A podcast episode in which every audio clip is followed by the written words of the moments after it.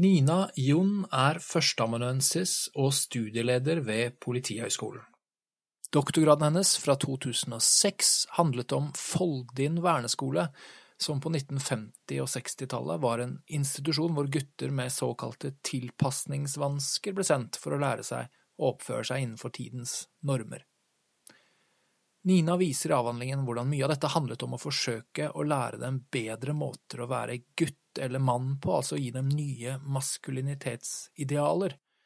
Kort sagt måtte de lære seg å være skikkelige gutter, både med trykk på ordet skikkelig og på ordet gutt.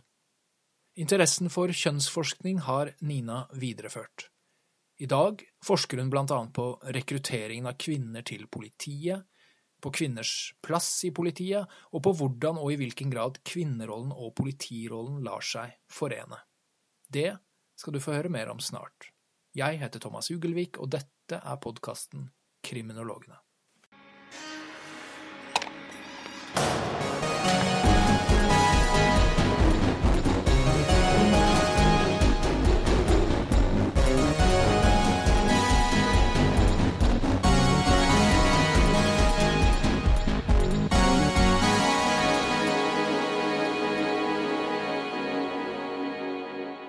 Jon, velkommen til podkasten Kriminologene.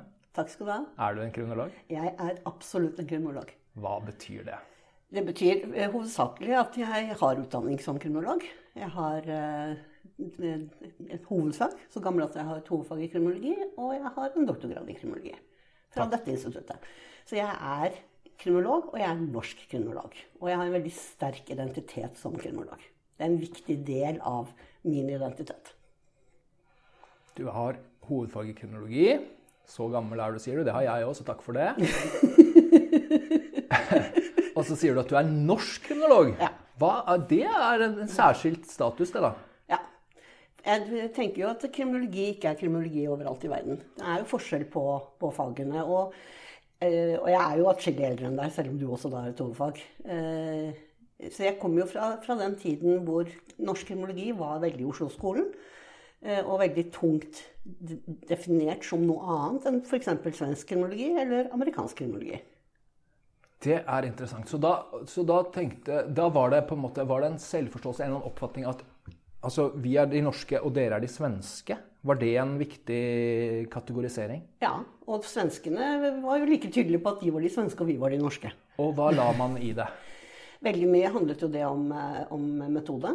At eh, kriminologi i Norge var mye mer kvalitativt inspirert. Og jeg brukte mye mer kvalitative metoder, mens svenskene i større grad var kvantitative. Og ut fra metoden så handler det jo også om eh, ja, eh, perspektiver. Ja. Oslo-skolen, altså med Nils og med, med hele denne tradisjonen. Altså med å stille spørsmål, sette undre over om er nå verden sånn som den fremstår. Mens svenskene i hvert fall på den tiden var mye mer opptatt av å kartlegge tingenes tilstand ut fra statistiske metoder. Ja, og, men det kan jo være på en måte objektivt eh, sånn tingenes tilstand er. Men så, så var det i tillegg på en måte uh, Det ble kategorier av det. Det ble liksom en, eh, en oppfatning felles, gjensidig, av at vi er ulike de andre og sånn. Og da tenker jeg det må jo, det må jo kommet ut av et ganske tett nordisk fellesskap. Eller det, man var til stede for hverandre på en Ja. måte i det nordiske, da. Ja, og det, NSFK sto jo veldig sterkt. Og, og det var en viktig årlig happening å dra på NSFK-seminar. Eh, Som jo kanskje for oss som da var unge inni der, til tider kunne fremstå som et lite familieselskap. Med all den dramatikk som det innebar. Nettopp. Ja. Ja, nei, så Det nordiske fellesskapet. Og vi er jo et lite, og det syns jeg jo også er jo ganske opptatt av nå. Jeg syns jo det er eh, veldig trist at vi mister At vi begynner at vi snakker engelsk til hverandre i de skandinaviske landene. Eh, og at altså mine, mine sønner, som nå er ungdommer, syns det er vanskelig å konversere svensker og dansker. De skjønner ikke hva de sier. Eh, og de vil i hvert fall ikke lese dem. Eh, eh, de foretrekker engelsk. Og det samme drar du til Danmark nå. Det er jo ikke mulig å gå inn i en kiosk og snakke norsk til dem. De slår om til engelsk med en gang. Og jeg tenker vi mister noe i det når vi er såpass få som vi er. At vi mister hverandres mulighet for å lese hverandre, eller å forstå hverandre på de ulike skandinaviske språkene. Og så skjønner jeg jo begrunnelsen med at eh, finnene da er ekskludert. Så, eh, og islendinger og På den tiden så snakket jo også alle islendinger eh, norsk eller dansk. Så ja. Så jeg skjønner at man nå må snakke engelsk, men det er noe litt trist. Vi mister noe i det at vi konverserer mindre på originalspråk til hverandre. Så har jo også svensk kronologi eh, kanskje vært i en slags eh, rivende utvikling, eller det har liksom poppet opp mange forskjellige institutter, og det er mer mangfoldig, får man inntrykk av fra utsiden. Da. Det, er, de, de, det er større og bredere, på en måte. Er, er det, gir det den samme når du sier sånn 'Jeg er kriminolog, og jeg er norsk kriminolog'. Er det, gir det mening i dag også? Eller refererer det tilbake til NSFK-tiden din? Eh, Nei, jeg tror det fortsatt gir en mening. Målt mot svenskene skal jeg ikke si, men målt mot amerikansk kriminologi så gir det jo fortsatt mening å snakke om en forskjell på norsk kriminologi og amerikansk kriminologi, tenker jeg. Så, øh, men det kan hende at det var sterkere da. Nå er jo ikke jeg på instituttet heller, så jeg, jeg kjenner jo ikke dere. Jeg kjenner jo ikke instituttet som sådan så, så, veldig godt. Jeg kjenner jo noen personer her som jeg har tett kontakt med, men som institutt så kan det godt være at jeg har ramla litt av lasset på hvem dere er, og hva dere gjør, og dere, hva dere bedriver. Men tenker du at det er instituttet som er norsk kriminologi, da? Eh, kjernen er jo i instituttet. Men eh, norsk kriminologi er, det er jo kriminologer overalt. Og det er jo noe av det fascinerende med dette faget. At det er så egna både til, til, forskning og vitenskapelig publisering, men også alle de kriminologene som jobber mye mer praktisk. Det er jo kriminologer all over the place. Ja, absolutt. ja. Og, og, jeg må si noe av poenget med Eller et ønske som jeg har med podkasten, i det mm. hele tatt, er jo å inkludere på en eller annen måte mye bredere mm. enn bare Altså, jeg kan ikke lage podkast bare for de som jobber på instituttet. Det blir litt snevert. sånn at uh, Det er en engere krets. ja. Så jeg tenker jo at uh, f.eks. Uh, forskningsmiljøet og, og uh, hele Politihøgskolen, uh, mm. hvor du jobber, ja. er del av norsk kriminologi, har jeg tenkt. Ja, ja og, og, er,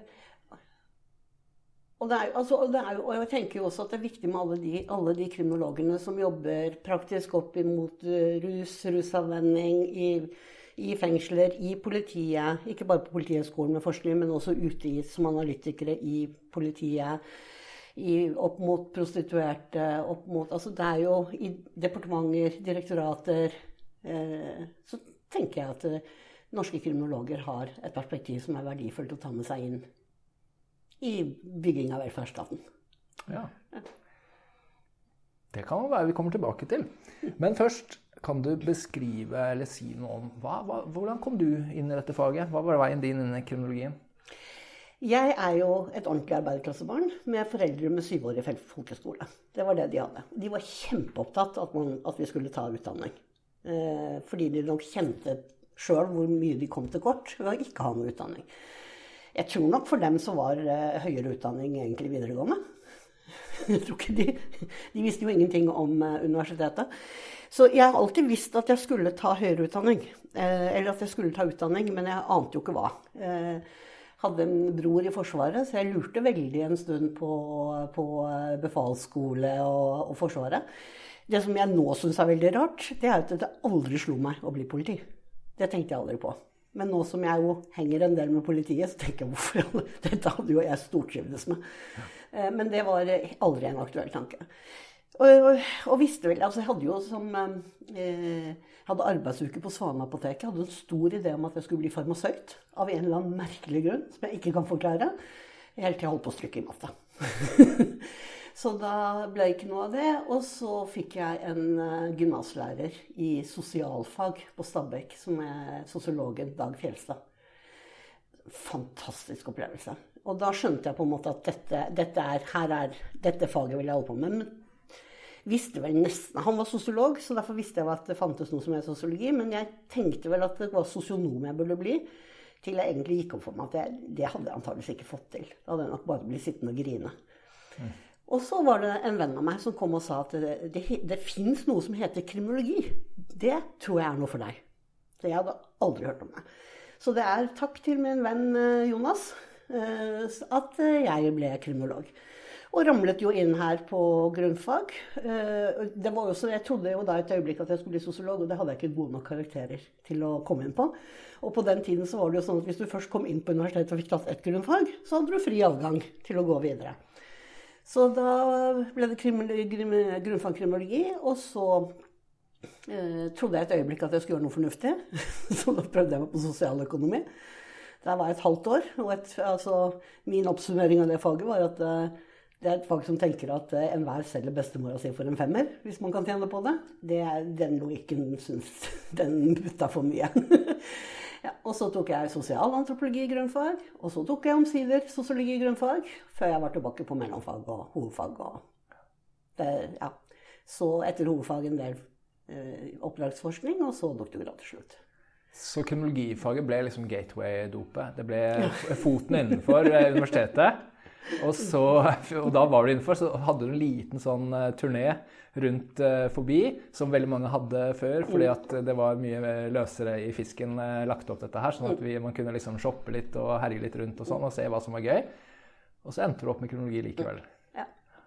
Hvorfor det? Altså, Økonomien skjønner jeg, men ja. hvorfor ikke? Ja, det, det sto vel egentlig mellom da eh, kronologi eller sosialantropologi.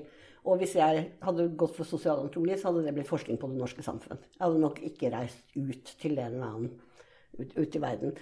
Eh, og de, de, to fagene er jo ganske like, eh, sånn i bruk av kvalitativ metode og, og sånn. Men det var jo perspektivene til kriminologi.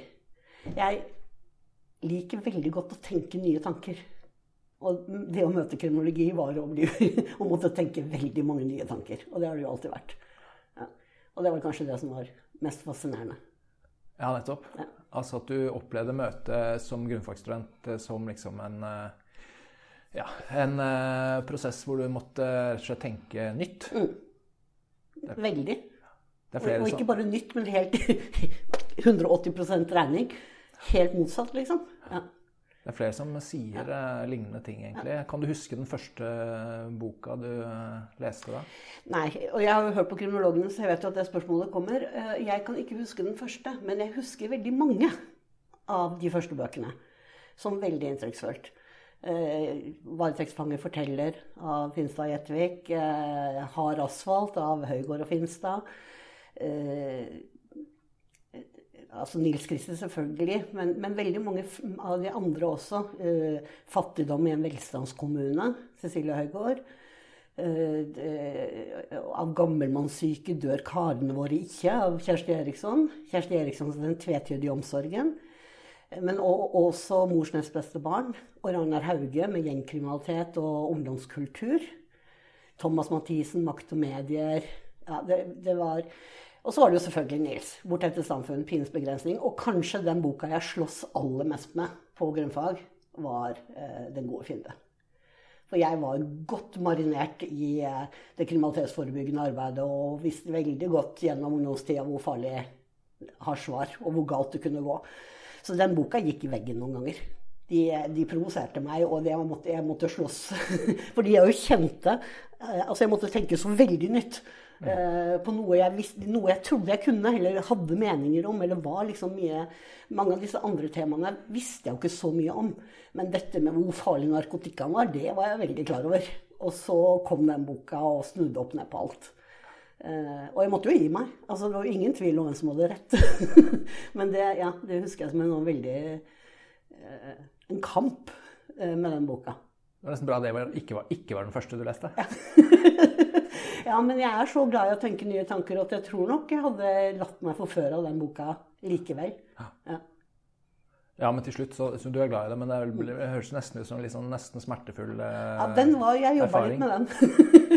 men mye, mye fordi, fordi nettopp eh, De andre temaene var jo mer, eh, handlet jo mer om å bryte den vante fortellingen som, du, som jeg da fikk fra, fra eh, VG og Dagbladet. Og ofte bare forsida, eh, for jeg leser ikke så mye. altså I motsetning til dagens ungdommer så var jeg opptatt med mye annet enn å holde meg orientert i det politiske bildet og i ja, samfunnsutviklingene.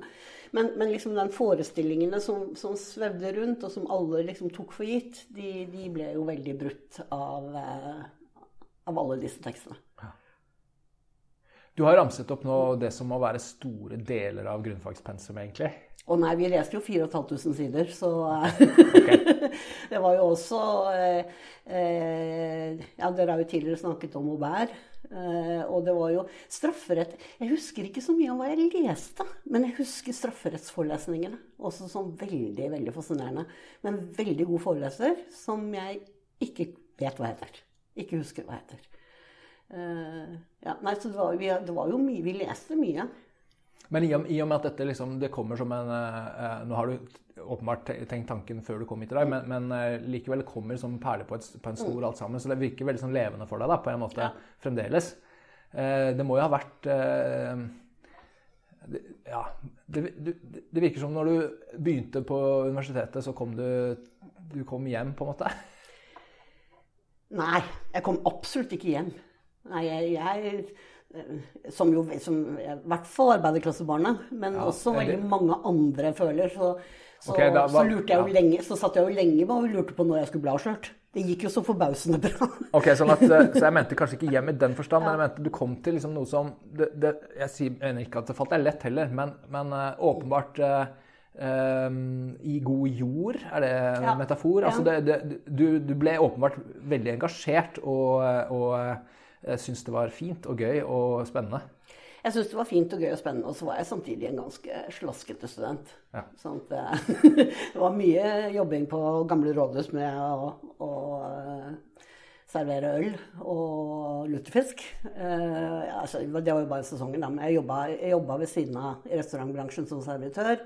Reiste mye, festa mye. Drev mye annet også. Ja. Så jeg, jeg, leste litt sånn konsentrert når det nærma seg en eksamen. jeg bare tror at, eh, jeg tror at, det jeg prøvde å, um, å gripe tak i med, med, å si 'komme hjem' i sted, som var litt dårlig, dårlig ordvalg, det er vel heller at jeg, jeg tenker Kanskje jeg, kanskje jeg Kanskje det er feil, men jeg tenker at det er ikke alle de studentene som jeg møter her, som om eh, x antall år klarer å ramse opp alle boktitlene på den måten. Altså, det har jo satt et eller annet spor ja. i deg, da. Ja. Det har det. Det, det har satt veldig spor. Og så har jeg jo brukt mange av disse tekstene. Det var jo ikke bare at jeg leste de til grunnfag. Jeg har jo brukt dem aktivt eh, i undervisning. Jeg jobbet jo her på instituttet i mange år og underviste mye.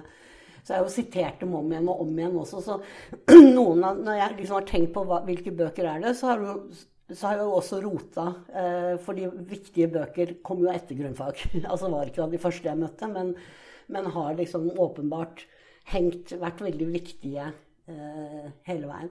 At, og, og, og, sånn sett så var jo eh, mitt møte med Dag Fjelstad og sosialfag handlet jo også Det var jo veldig mye ja, eh, eh, avvikssosiologi og, og, mye av den samme altså, eh, Jobbet mye med, med en tekst om, eh, om, eh, om, gropen, som jo handlet om, om alle som sto og spadde i en grop hvor det kom så mye vann, istedenfor å gå opp i bekken og sette opp en sperring et annet sted. Eller om barn som løp plutselig ut i veien.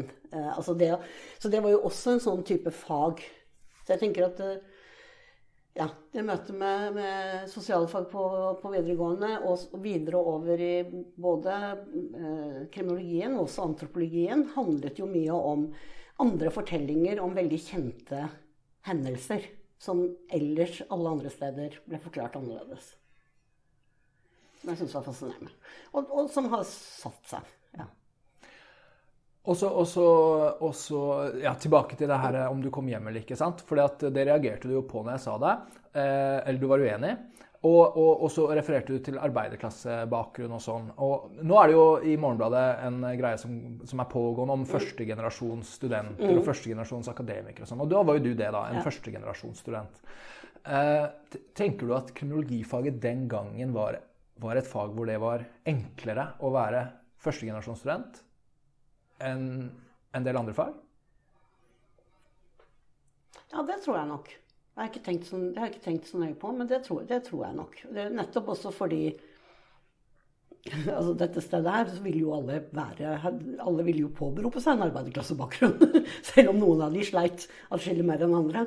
Eh, jeg husker Kari Sveen var her en gang hvor alle, alle de norske kriminologene satt og rakk opp hånda og fortalte om, eh, om, sin klassebakgrunn. Hvor hun så på de eh, forsamlingene så sa at dere snakker om den delen av arbeiderklassen som gikk i 1. mai-tog. Jeg snakker om den med sjela på sprit. Og jeg kommer nok nærmere fra de med sjela på sprit enn 1. Eh, mai-togene. sånn det er jo også, Denne arbeiderklassen er jo, er jo en, veldig, mye, en, veldig, bred kategori. Så, men, men, men, nettopp eh, med, med, de som var her, nettopp interessen for eh, det politiske ståstedene de hadde Så det kan godt være at det var et lettere sted. At det hadde vært andre fag som hadde vært vanskeligere å trå inn i som ikke bare altså første generasjon. Jeg er jo, jeg er jo den eneste i, eh, blant mine fetter og kusiner også med doktorgrad. Eh, sånn at det er jo det er mye håndverkere mm. i, eh, i, min slekt. Og jeg har en kusine som er jurist. Ja. Men det er, så vidt jeg har oversikt, så tror jeg det er oss to med høyere utdanning. Mm. Ja, for jeg tenker eh, Du nevnte at hun er jurist. Vi deler jo fakultet med mm. jusutdanningen. Eh, min eh, fordom der ville vært at hvis du den gangen begynte på et jusstudium, så, så ville det vært mye mer av et stammespråk, kanskje. Mm. Mer terskler for ja. å liksom ta det, da. Mens, mens, at på instituttet Men altså, jeg Dette var før min tid, så jeg vet ikke. Men, men at det var en type, i, i, det minste en type velvilje, da. Ja. ja. Ja, absolutt. Er helt, det er helt sikkert at, eh, at det, det, var lettere å komme hit enn å, komme til, eh, enn å skulle begynt på jussen. Um, hvordan eh, vil du plassere deg selv i dag i den kriminologiske tradisjonen? Hva er det som er dine, ditt felt eller dine felt? Jeg skrev hovedfagsoppgave om registrert voldskriminalitet. Og var veldig tidlig enig med meg selv at jeg vil ikke bli en som kan vold. Kampolitt er jo tittelen fra hovedfag. At jeg ville ikke låses i ett, i ett felt. Uh, så jeg har gjort mye forskjellig.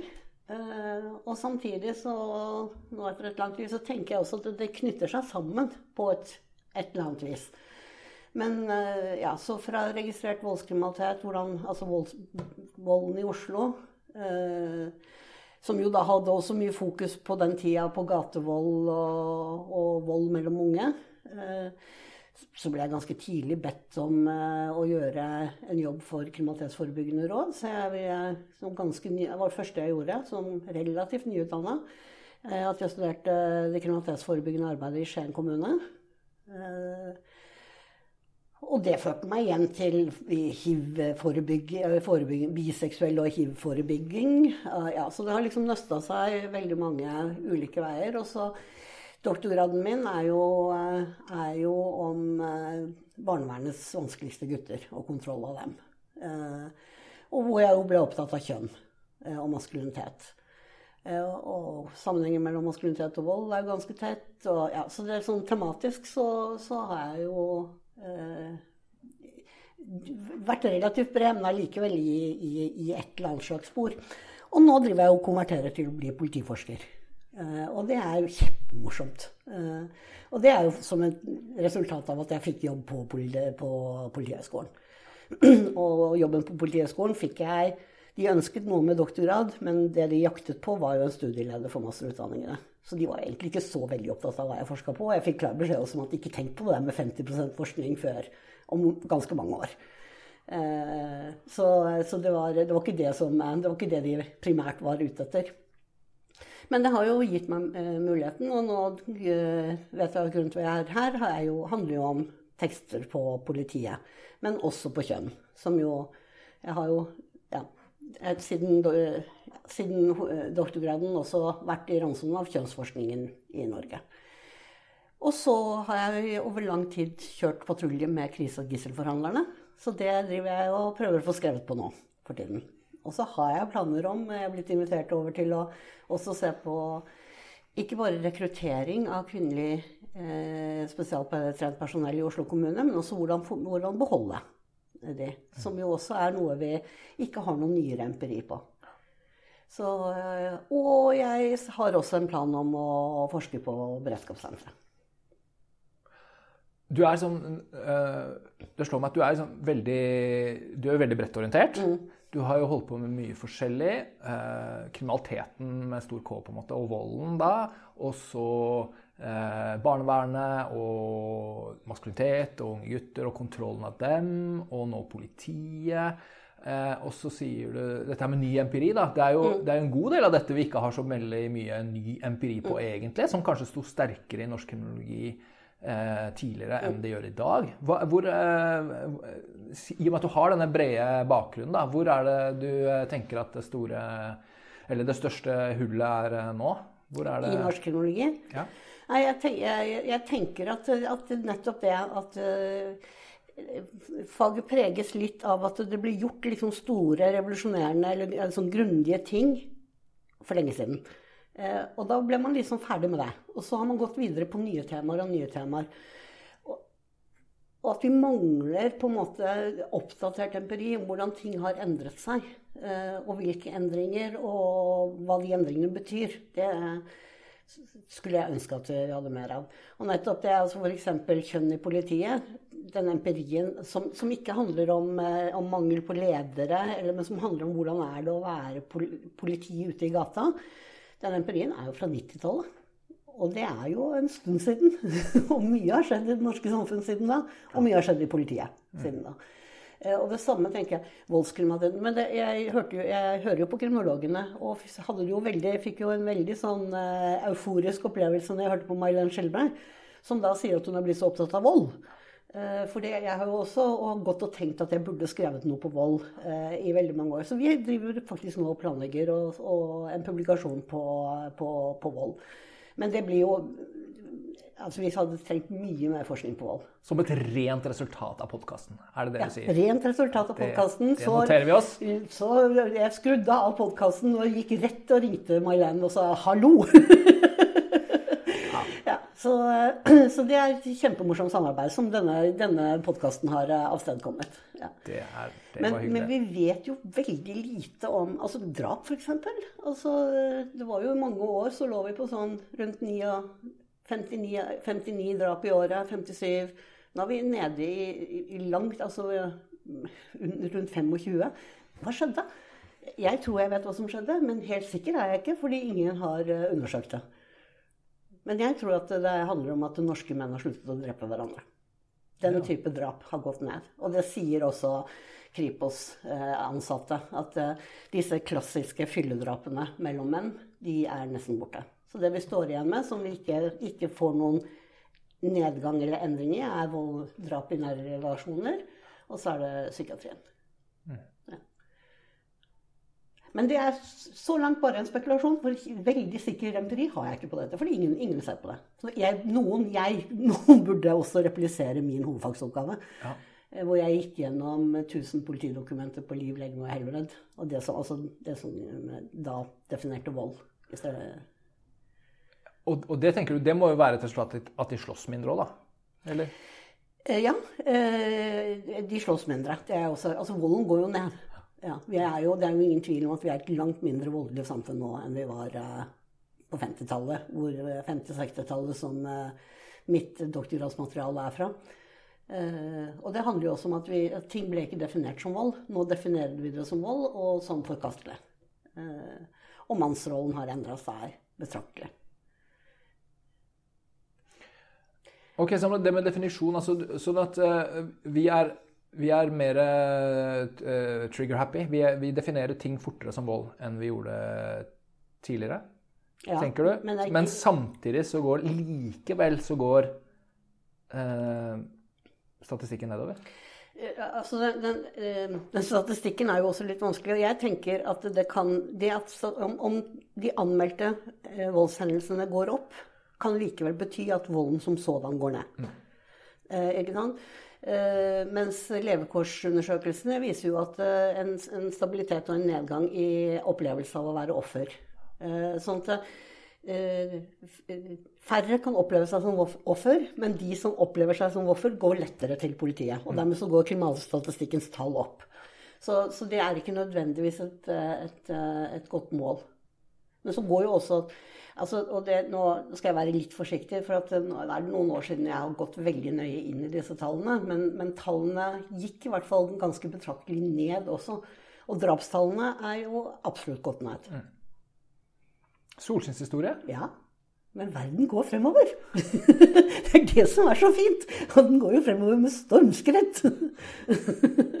og det er jo noe av, eh, av det som eh, ja, som, som jeg, jeg, vet, altså, jeg er jo litt sånn gladjente. Liker å fokusere på det som også går fremover. For jeg tror det er viktig. Jeg tror, det er, jeg tror eh, Eh, og det, i, i, vårt felt, og jeg har, jo, jeg har jo jobbet, jeg har jo vært nesten ti år utenfor akademia også, og jobbet mye med åssen og forelese til praktikere og, av ulike slag.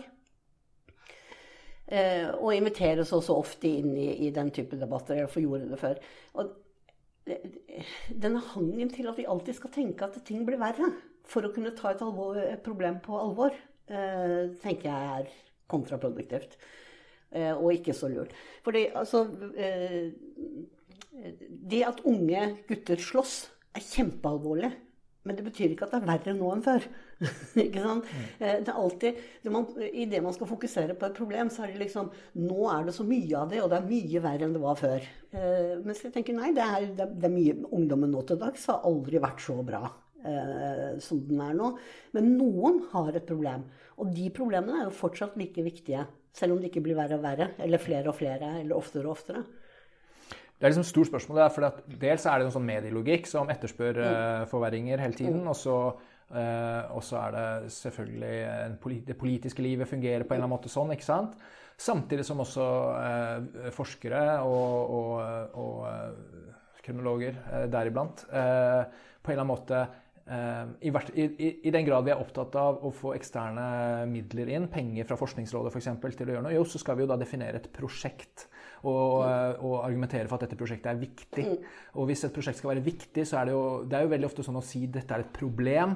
Her skal vi prøve å forstå dette problemet for å forsøke å løse det. Og da må man jo peke ut et problem. da, ikke sant? Mm. Sånn at det, Vi har noe av de samme mekanismene i måten eh, vårt felt er på en måte bygd opp også, som, som etterspør problemene. da. Du henviser, Vi skal straks inn på den artikkelen som jeg har eh, lest på forhånd, men, men eh, i den så henviser du eh, bl.a. til Gunnar Åkvåg sin positiv sosiologi. Eh, og, og, han har jo vært opptatt av på en måte samfunnsvitere, sosiologisk spesifikt, da, men, mm. men han, han, vil nok være enig i at det gjelder kriminologene også. Ja. Eh, på en eller annen måte nettopp er sånn opptatt av å se på alt som går galt, og, og, være kritiske og peke på feil og mangler osv., og, så videre, og, og dermed at vi under gir for lite oppmerksomhet til, eh, til eh, ting som funker. Ja, og det er jeg jo enig i. som du sier, jeg viser jo også til det. Og jeg tenker at det eh, og, og, at ikke det nødvendigvis står i motstrid heller. Altså Det er mulig å fokusere på, på, problematiske ting uten å måtte si at det, er, at det går stadig verre. Eh, det, det, å si at ting går fremover, betyr ikke at vi er ferdig, eh, eller at vi ikke trenger å bry oss om eh, de områdene vi da snakker om. Eller at, vi, at det ikke også samtidig kan skje problematiske ting som er viktig å ta på alvor. Men jeg tenker at det å det å se hvordan ting faktisk går fremover, eh, viser jo at ting funker. Ting hjelper. Det hjelper med den eh, kunnskapen vi bringer frem, eller med, altså at verden går fremover. Uh, tenker jeg jo er med på å, å gjøre, altså på en måte gjøre det vits i å holde på. og til det som vi skal snakke om etterpå, hvor det handler om likestillingsfeltet, så er det jo også handler det jo altså Det er jo liksom denne oppgittheten over at menn ikke stiller opp på likestillingsprosjektet. Det syns jeg ikke er så veldig rart, sånn som vi insisterer på å snakke om det. Uh, ikke sant? Sånn det, jeg tenker også at det, Menn får hele tiden beskjed om at det, det, altså, Hadde jeg vært mann, så tror jeg jeg hadde tenkt at det nytter jo ikke uansett hva jeg gjør, så det er like godt å gi faen i dette, i dette uh, disse ting, temaene. Og så konsentrerer man seg om å være en, en god far og en hyggelig partner og leve livet sitt som best man kan.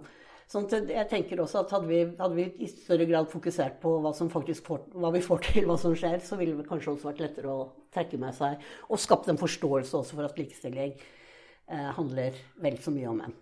Og i den grad vi ikke har kommet så langt, så vil jo jeg påstå at eh, der, der vi har mye igjen å gjøre, så er det jo likestilling for menn. Ja. Og en, en, sånn trent optikk på menn som vi har på, på, på kvinner.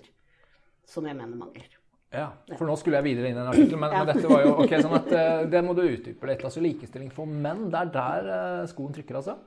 Ikke, ikke, ikke, der trykker den også. Ja. Ja. Og det er liksom det viktige her. Dette, likestilling er ikke en kjønnskamp. Det er ikke sånn at uh, hvis, hvis, menn vinner, så taper kvinner. Eller hvis kvinner taper, så nei, altså det, det, er, det er ikke en kamp. Jeg tenker at både kvinner og menn tjener på likestillingen. Og rapporterer og lever bedre liv i et likestilt samfunn. Ja. Eh, så det gjelder alle. Eh, og jeg har jo som sagt vært ute av akademia, og mange av de årene drev, jobbet jeg jo med likestilling i et mannsperspektiv. Mm. Både med å skrive kunnskapsgrunnlaget i en stortingsmelding om den temaet, og med å jobbe på reformressursene for menn. Og jeg tenker jo at det er, det er mange områder hvor vi ikke har eh, Det er mange myter om, eh, mellom, om hvordan menn profitterer som kjønn Eh, som ikke nødvendigvis stemmer.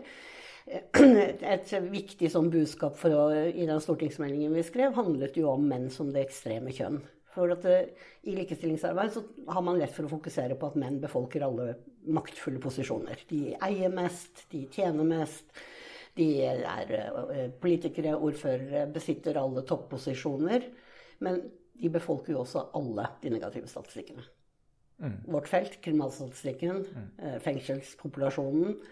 Ute, utstøtte, uteliggere, uh, varig uføre.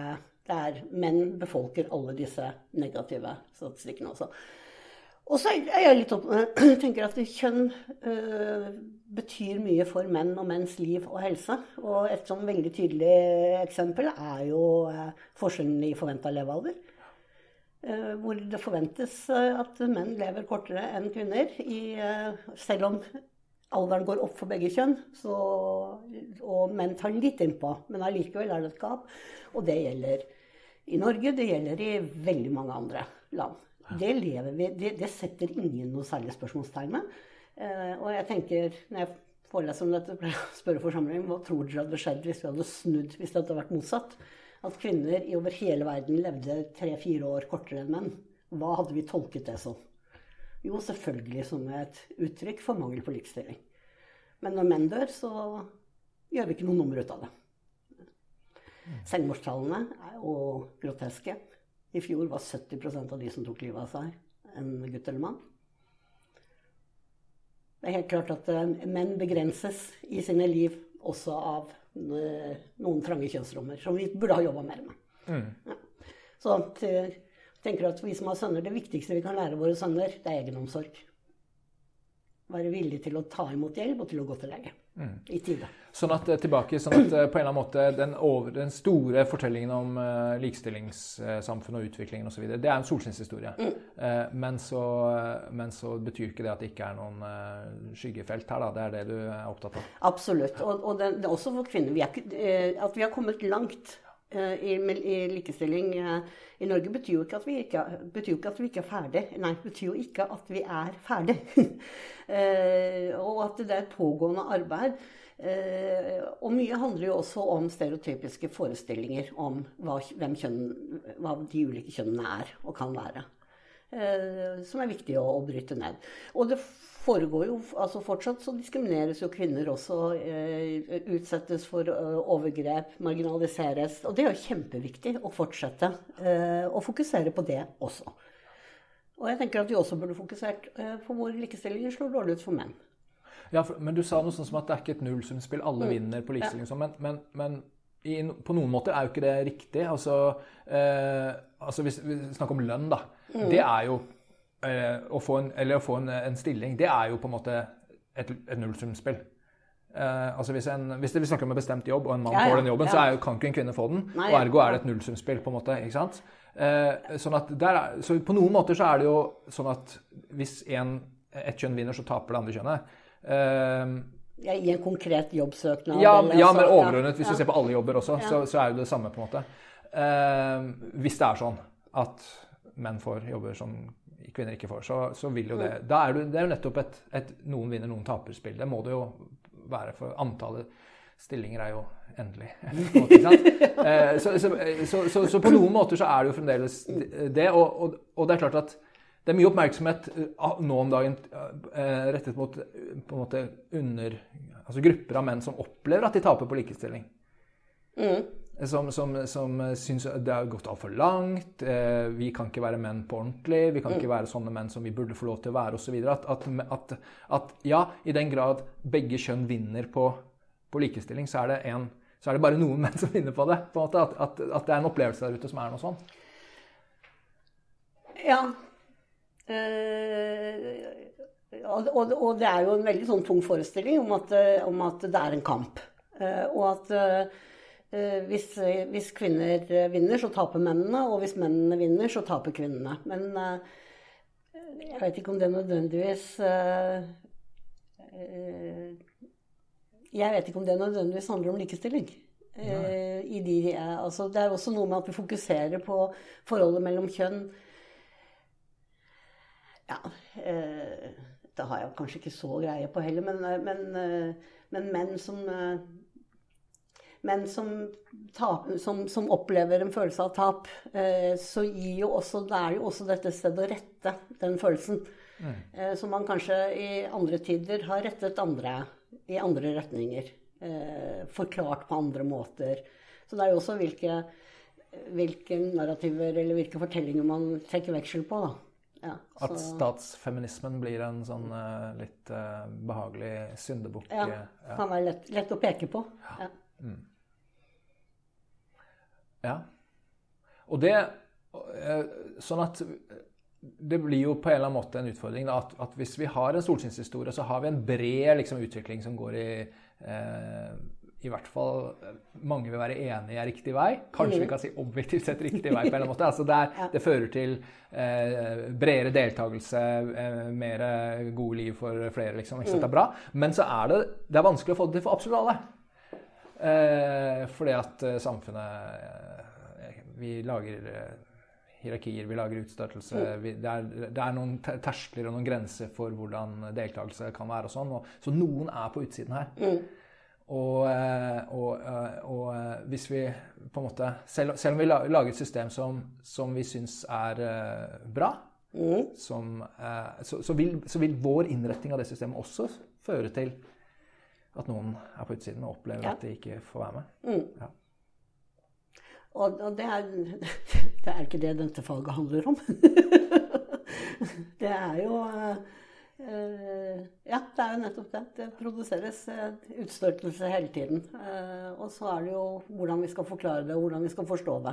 Og, men samtidig så Så går jo også altså, sånn, Det var jo mye altså Ungdomskriminaliteten f.eks. stuper jo. Ikke sant? Altså forholdet mellom generasjonene, generasjonskløfta for de aller fleste har jo lukket seg fullstendig og er kanskje med på å forklare hvorfor også kriminaliteten går ned. Eh, fordi de voksne på 50-60-tallet var livredde. Bare, altså, bare, man hadde langt hår, så, så, ante man jo at det var på vei ut lukt ut i, i, fortapelse eh, og fordervelse. Eh, og, og ting ble definert veldig fort som avvik og som kriminalitet og som begynnelsen på noe skummelt. Eh, og så var det jo også eh, mye mer altså armer og bein. Eh, mors nest beste barn igjen. Altså? Altså, biltyverier. Det er det jo helt slutt på blant ungdom. Eh, altså, det var jo veldig mye alvorlig kriminalitet de også begikk som, som ungdommen i dag ikke, ikke gjør. Mm. Eh, og som kanskje også holder flere inne. Så har jo ungdomslivet også endra seg mm. fullstendig. Ja, altså sånn at uh, på en måte rammene for uh, altså Du sa sånn langt hår og, uh, for, for, menn, da, gutter. Mm, ja, ja. langt hår er lik narkotika, er lik tidlig død. Mm, det er en sånn forståelse. Sånn, sånn, at rammene har jo blitt mye bredere, og, og, og, man aksepterer mye Og så, ja, så er det noe, selvfølgelig sikkert i noen miljøer sånn at det er forventet at man ikke har for langt hår eh, den dag i dag. Men, men ja, at, det, at det kan være strammere noen steder enn andre. Og sånn, Men likevel, altså, du, du kan komme unna med veldig mange forskjellige uttrykk, og du kan ha mange forskjellige interesser, og det er greit, liksom. Men hva er på en måte et, tabu, da? Eller hva, hvordan Altså, hvis man nekter å Utdannelse er ikke noe for meg. Det vil jeg ikke. Eh, og jeg gidder egentlig ikke å jobbe noe veldig heller. Jeg har lyst til å bare Kan ikke jeg bare få trygd, liksom? Eller Altså, det er, det er det, Jeg sier ikke at dette gjelder mange, men, men, men på, vi, vi lager jo noen Vi har noen forventninger til, til deltakelse og til høyere utdanning særlig, kanskje, da, som eh, på noen måter gjør det snevrere, eller du har vært opptatt av det i samtaler med meg tidligere også. At, vi, at vi, Før så var det liksom man kunne alltid dra til sjøs, eller Forsvaret ikke minst. Det tok inn mange, mye større grupper av, av unge gutter. Mens liksom alternativene til den herre noen vil kalle hamsterhjulet, eh, som skal lede inn i arbeidslivet, liksom. Altså Alternativene til den er Det er kanskje færre alternativer. Ja, det, det er det jo. Helt åpenbart. Eh, og, og det krever mye mer. Altså, bare en, enk, altså en jobb på et lager krever jo en, eh, en kompetanse på å lese, skrive og på datamaskiner som, som man ikke trengte på 50-tallet. Eh, ikke sant? Altså, så det er jo blitt det, det har blitt mye mer krav til utdanning. Altså, det er ikke så lett å, å, å ramle ut av skolevesenet eh, og allikevel greie seg eh, i vårt samfunn eh, som før. Altså, det var flere manuelle jobber. Helt borte er det jo ikke, men, eh, men, eh, men det var nok kanskje lettere, lettere før. Eh, Og dette med å dra til sjøs, det, det har jeg jo det, har jeg prøvd å tenke mye på, men ikke, ikke kommet noe her til. Altså, det er ingen tvil om at det var en rimelig røff skole for uh, førstereisgutten uh, i, uh, i et veldig krevende maskulint hierarki. Eh, sånn at det, det, var nok, det var nok eh, Det var mye omkostninger med det også, men samtidig det ga noen muligheter. Altså disse Foldring-gutta som eh, i hjembygda var eh, virkelig utstøtt, eh, ensomme og uglesette eh, tapere, kunne ta seg eh, et år eller to til sjøs, reise verden rundt i en tid hvor ingen reiste. Man reiste jo ikke til nabobygda engang, i hvert fall ikke ut i verden. Legge seg opp penger eh, og komme hjem med ryggen rak på en måte som det, Vi skulle hatt noe som ligna. vi skulle hatt noe for de gutta som, som, og jentene som sliter i dag, eh, og som er på kanten. Eh, et sånt rehabiliteringsopplegg som det å dra til sjøs var, eh, men med litt færre omkostninger. Det, det syns jeg er Du som driver med fengselsforskning og sånn, kan ikke du finne på noe sånt nå? Jo da, noterer jeg det. Ja. Jeg tror vi må inn på disse her eh, politikvinnene i stedet. Eh, Jeg har jo lest en artikkel som du har skrevet, som heter 'Still the Exception?' spørsmålstegn, 'Challenging Ideas of Gender in Norwegian Policing', som ble publisert i British Journal of Criminology i fjor. 2011. Nei, 2011. Ti- år. Den gamle mann. Ble publisert i fjor 2021, skal jeg si. ja, det er riktig. Fint. Um, og det er jo, Vi har vært inne på begrepet solskinnshistorie flere ganger. Det er jo en solskinnshistorie, da, på en måte. sant? Den handler jo om eh, Du har fulgt et sånt uh, kurs hvor uh, noen uh, polititjenestepersoner Er det et begrep? Det er begrepet. Um, skal gå fra nivå fire til nivå tre når det gjelder sånn uh, operativ uh, slagkraft.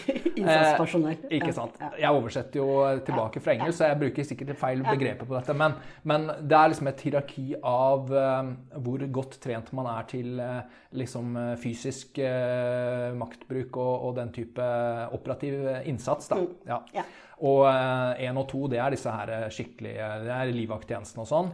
Og beredskapstroppen, Ja. som er IP1. Og fire, det er bare vanlig. IP4 er den den vanlige politiutdanna som kan be- bevæpnes. Ja. Ja. Som har opprettholdt en, en godkjenning for bevæpning. Nettopp. Som er, dem, for dem må vedlikeholdes, ja. Og så er det imellom det er tre, de som er, de som er liksom mer enn vanlig, men ikke helt eh, de eh, Langt unna de, de på øverste topp, men mer enn, de er bedre trent, og de trener mer i løpet av året enn en enn disse vanlige politiet.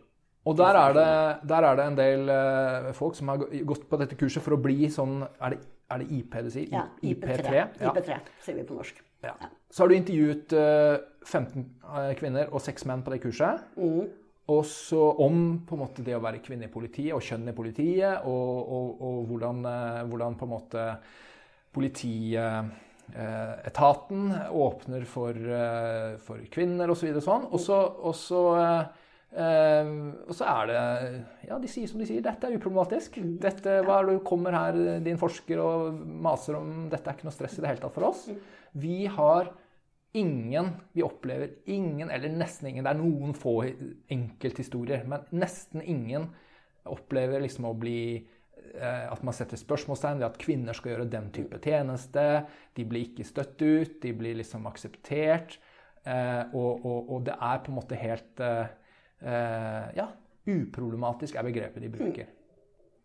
Og så setter du det i sammenheng med liksom at Norge har kommet så langt eh, likestillingsmessig, og at det har vært en bevisst likestillingspolitikk og sånn, og at det rett og slett har, har eh, dryppet inn i politietaten og blitt kulturen i norsk politi også. Som det er ute i samfunnet for øvrig. Og eh, ja, ble du overrasket? Eh, nei eh, og ja, kanskje litt. Altså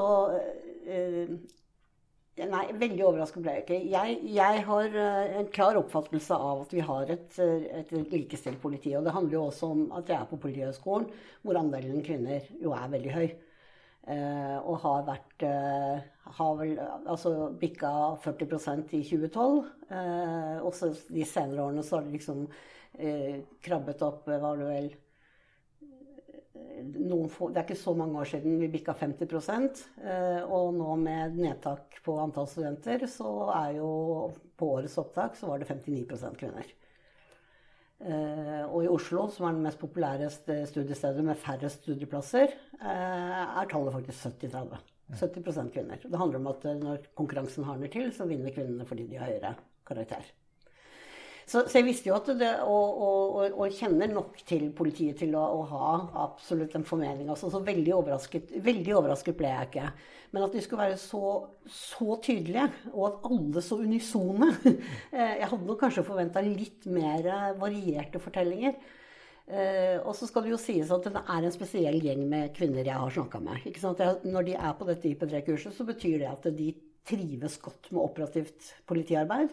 Eh, og, og kan være eh, annerledes eh, skrudd sammen. Og, og oppleve også møtet med politiet på en annen måte enn en kvinner som, som, søker seg mot etterforskning eller forebygging eller annen, annen type trafikk. Altså annet politiarbeid enn å være ute i, i gatene. Samtidig så er det jo også en tese om at de kvinnene som konkurrerer, som går inn på områder hvor, hvor menn liksom ja, kanskje kan føle at de skal dominere mest, føler seg mer trua og dermed blir mer eh, marginaliserte. Så det er, eh, det er, liksom Men det er en spesiell gruppe kvinner jeg har, eh, har eh, snakket med. eh, eh, og så ble jeg jo litt overrasket, og det sier jo også noe om hvor gammel jeg er. Eh, altså Mitt første spørsmål til de jeg intervjuet, var eh, hvem er du? Slags, hvordan vil du beskrive deg selv? Hva slags type er du? Det er spørsmål de syntes var veldig vanskelig. Eh, men jeg jakta jo da på guttejenta. Jeg, jeg, jaktet jo på for Fortellingen om kvinner i politiet jo, har jo tradisjonelt vært at de har blitt beskrevet av andre og beskrevet seg selv som guttejenter. Eh, og ingen av de jeg snakker med, betegner seg som guttejenter. Eh, og dette diskuterte jeg med, med min kjære kollega kriminologen Jenny Lundgaard, som ser på meg og sier Nina, Guttejente er altså et så gammeldags begrep.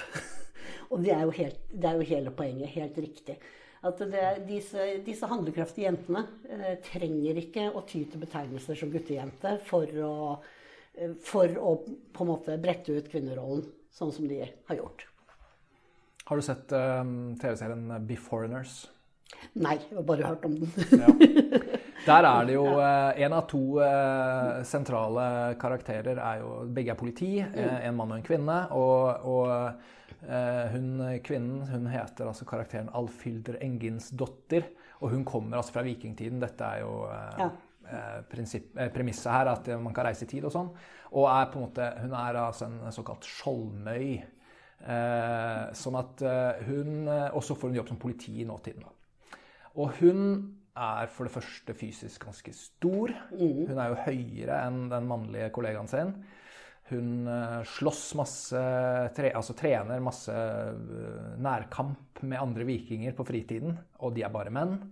Og hun går på en eh, relativt mannhaftig måte, om det er lov å si. Det er vel et gammelt ord, det òg, da. Men, men, man kan liksom se eh, på hele hennes eh, fysiske væremåte eh, at hun er det man kan kalle relativt operativ som person. Og, og, og du henviste til en klassisk studie av, av Martin fra 1980, hvor, hvor politikvinner må velge, da. De blir satt enten i vil eller ikke i en valgsituasjon. Mm. Enten så må de være gode politifolk, men da kan de ikke være så veldig kvinnelige. Mm. Eller så kan de være veldig kvinnelige, men da får de ikke lov til å være gode politifolk. ikke sant? Mm. Og det betyr at hvis du skal være god politifolk, er lik operativ slagkraft og fysisk eh, med, liksom, ja, så må, kan du ikke fremstå så veldig feminin. Og hun, hun her Alfhilder i den TV-serien går jo rett inn i den mm. klisjeen. på en måte. Da. Hun, eh, hun eh, viser veldig tydelig Den karakteren med, med kostyme og alt liksom viser veldig tydelig at, eh, at hun er en som man kan regne med eh, hvis det blir basketak, for å si det sånn. sant? Ok. Og så, og så viser din studie at det, det, er, sånn var det før, kanskje. Det, I hvert fall den klassiske studien fant det den gangen i 1980. Men, men det er ikke sånn. Nei. Du kan være eh, begge deler. Du kan være feminin, tydelig, kvinnelig uttrykk, liksom, og være eh, få IP3-sertifisering. Ja, ja, absolutt.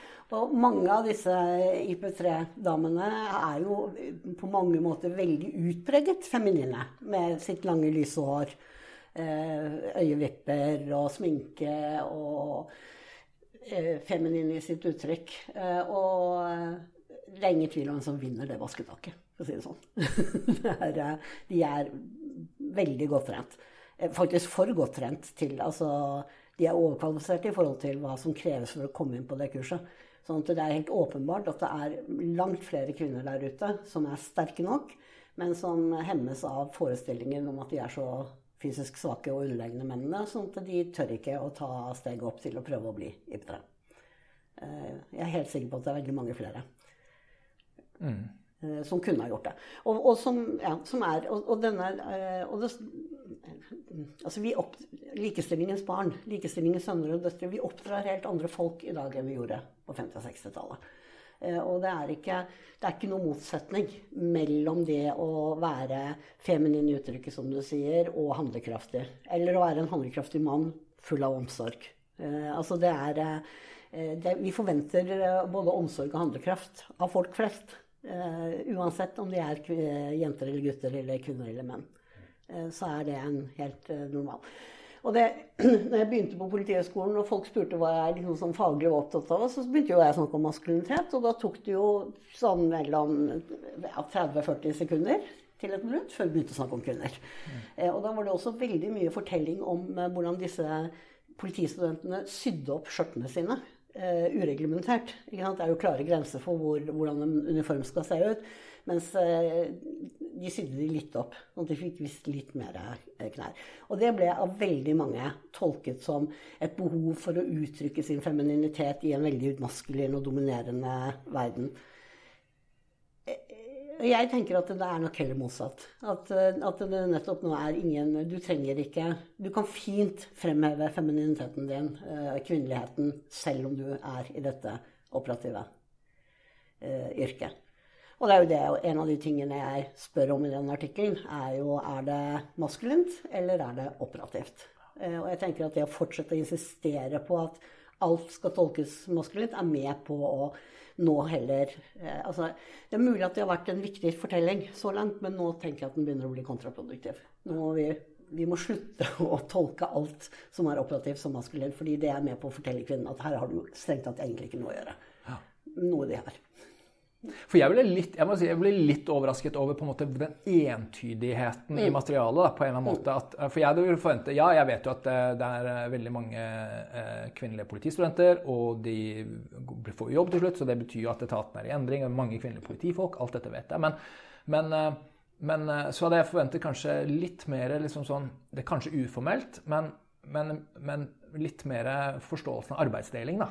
At, uh, at, dette er litt sånn Her passer dere kvinner. Her også må gutta ta seg av liksom uh, Mennene ta seg av noen at, at det er mer sånn men, men, mens dine informanter, både de mannlige og de kvinnelige informantene, de, de skjønner på en måte nesten ikke spørsmålet. Nei, en, en av de mennene, altså, Når jeg spør hva forskjellen på hvordan kvinner og menn gjør en jobb, så ser han på meg og sier det er et litt rart spørsmål. Ja. det skjønner han ikke helt. Men det er klart eh, eh, Og dette er jo så, så, blant, som jeg også understreker, blant sine altså jevnaldrende i, i, i, forhold til utdanningskollegaer eh, de, de, har gått på Politihøgskolen sammen i blanda kull. De, har, eh, de er nyutdanna i blanda yrker. ikke sant? De er i eh, så er, så er det liten forskjell på dem. Men det betyr jo ikke at de er likestilt overalt i etaten. For det er jo også sånn at det er fortsatt veldig mannsdominerte miljøer og veldig kvinnedominerte miljøer. Det, eh, altså IP3, eh, IP3 er betegnelsen på stillingskategori, men de inngår jo da i utrykningsenheten, altså UEH. Eh, og UEH er jo mannsdominert. Det, og det er jo noe av grunnen til at jeg fulgte dette, eh, dette, kurset, var jo for å se på hva er det som gjør kan, kan, vi gjøre noe for å få flere kvinner til å ville dette? Sånn at de er jo en minoritet som IP3, og, og, de er også minoritet som eh, livvakter, og de er jo helt mangelvare eh, foreløpig i beredskapstroppen. Eh, og så har du andre deler av politiet som er veldig kvinnedominerte. Eh, særlig sånn etterforskning av seksuelle overgrep eller etterforskning av overgrep mot barn. Den type er veldig kvinnedominert igjen. Sånn at eh, eh, kvinner og menn fordeler seg jo ikke likt i etaten. Nei. sånn at, så det må vi fortsette å jobbe med. men, men, det er en de var veldig interessant med disse kvinnene, hvor unisont uh, uproblematisk de syns det operative arbeidet sammen med sine jevnaldrende kollegaer er. Uh, jeg er jo enig i at dette er en solskinnshistorie. Mm. Men bare for å være bitte litt djevelens advokat, da, eh, så, eh, så, tenker jeg at det er, det er helt sikkert, og innad i politiet så kan sikkert det være overvekt av folk som syns også dette er en solskinnshistorie, dette er bra, liksom. Men ute der i samfunnet så, så fins det helt sikkert en god del folk som syns at dette ikke er bra. Um, og eh, jeg, for en stund siden så, så, så, ble jeg på Twitter, tror jeg, så, så, ble jeg eksponert for en sånn eh, video av eh, noen svenske eh, polititjenestepersoner, som eh, tilfeldigvis alle tre var kvinner, som forsøkte å arrestere en, en enslig mann. Eh, og den videoen varer fem-seks-syv minutter, noe sånt, og de får det rett og slett ikke til. Mm. det går bare ikke an. Og eh, de legger foran i bakken, men han kommer seg opp igjen, og det ender med at han stikker av. Um, og, eh, og, det å lese kommentarfeltet under den videoen, det er en, det er en greie for seg. ikke sant? For det er, det, er, jo ute, altså Det er helt sånn entydig.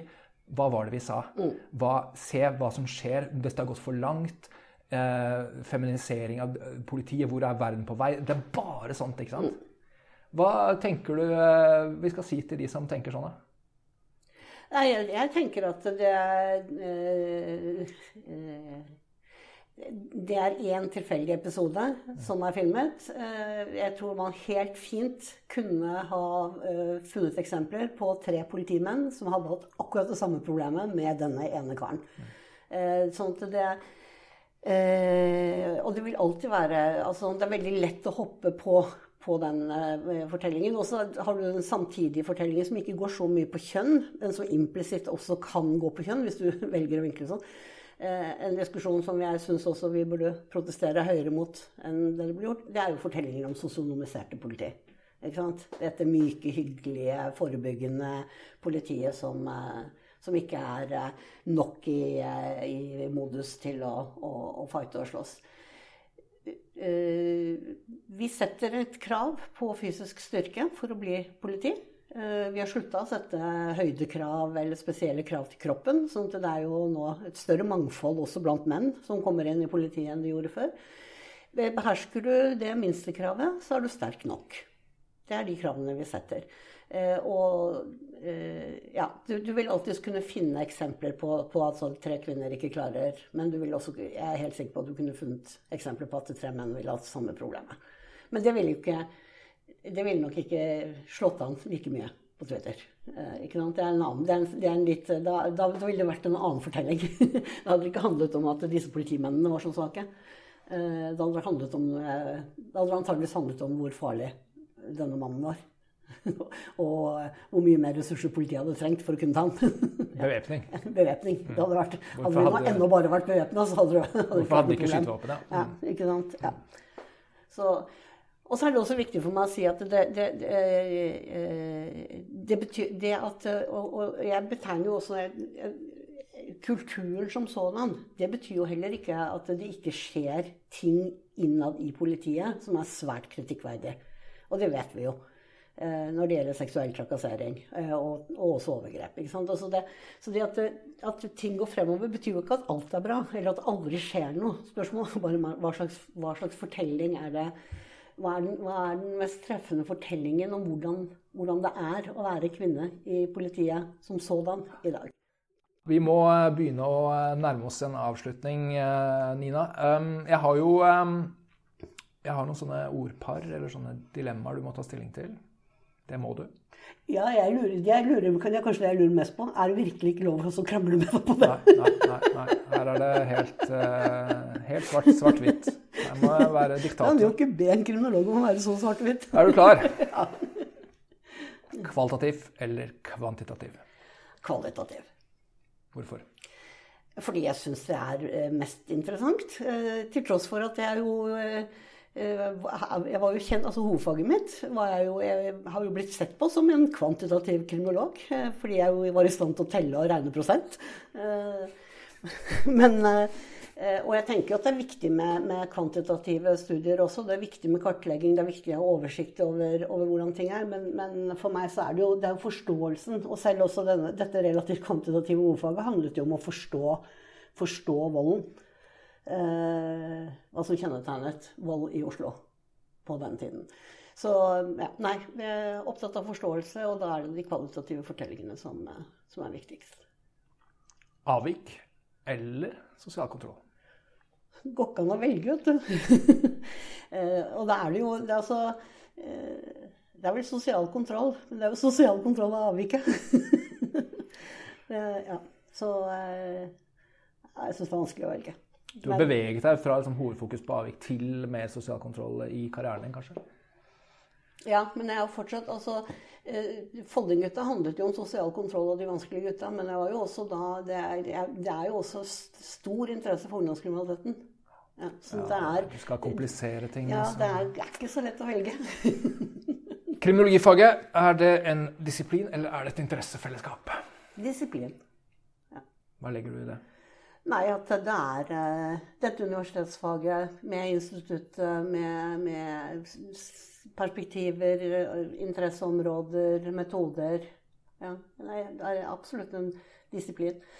Som, men det er jo flere som er interessert i det, som ikke definerer seg som kriminologer, som er interessert i dette feltet. Uh, og det er jo mange som uh, I podkasten er det mange som snakker om forskning. altså jeg tenker Det er jo, ikke, det er jo også, det også utdanninga. Eh, og det er jo også treningen i å, i å betrakte verden som, eh, som, dette instituttet trener alle studentene sine i.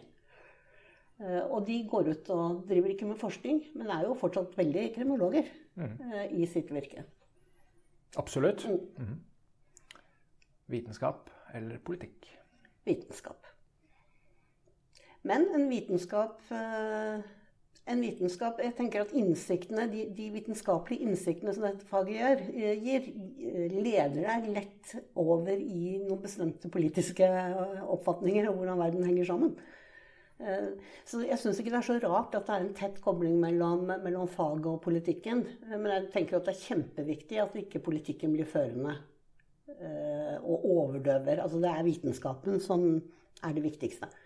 Og også være dette faget som er så flinke til å utfordre eh, vante tanker, må også være gode på å ut, utfordre egne vante tanker. Til slutt, forskningen. Skal den være viktig, eller skal den være morsom? Viktig. Jeg tenker at det er, det, det er, det er liksom utgangspunktet. Eh, hvis eh, skattebetalerne skal ha noe igjen for dette, så må det jo være fordi det er viktig. Jeg er jo også alltid vært veldig opptatt av at uh, min vitenskapelige produksjon skal ha en betydning i samfunnsdebatten. Uh, så jeg er opptatt av å, av å, formidle også til offentligheten. Uh, men så er jeg også skrudd sammen sånn at jeg lar meg lett engasjere. Så alt jeg har forska på, har blitt fryktelig morsomt. og er kjempegøy. så, så, jeg tror ja, alt jeg har gjort, har opplevdes som veldig morsomt. Kanskje bortsett fra hovedfagsoppgaven, hvor det, litt, var litt tungt å sitte i, i, all den elendigheten som det materialet var. Så, men viktig først, så morsomt? Ja. ja. Og det, som viktig, altså viktig, det, det, viktigste er at det er viktig, eh, men det blir fort morsomt. Nina, går, du, du, du, antydet vel litt, eller du sa litt om noen eh, prosjekter som var mer sånn i, i Støpeskjeen, heter det det. Mm. Eh, men, eh, men, jeg spør igjen, hvor går veien videre? Hvilke planer har du? Politiforskning. Ja. Så først eh, få publisert på dette veldig spennende materialet jeg har om krise- og gisselforhandlerne. Som er kjempespennende del av norsk politi. Og så mer på kvinner i politiet. Eh, og jeg tenker også at eh, om ikke jeg selv får gjort det, så vi må vite mer om hvordan det også er å være i P4. Hvordan det er å være vanlig for de fleste. Vi må vite mer om hvordan det er å være kvinner og menn i politiet. Eh, men også mer mot de spisse endene ja, ute på beredskapssenteret. Høres bra ut, Nina. Spennende. Og det blir gøy. Det er viktig, og det blir kjempegøy.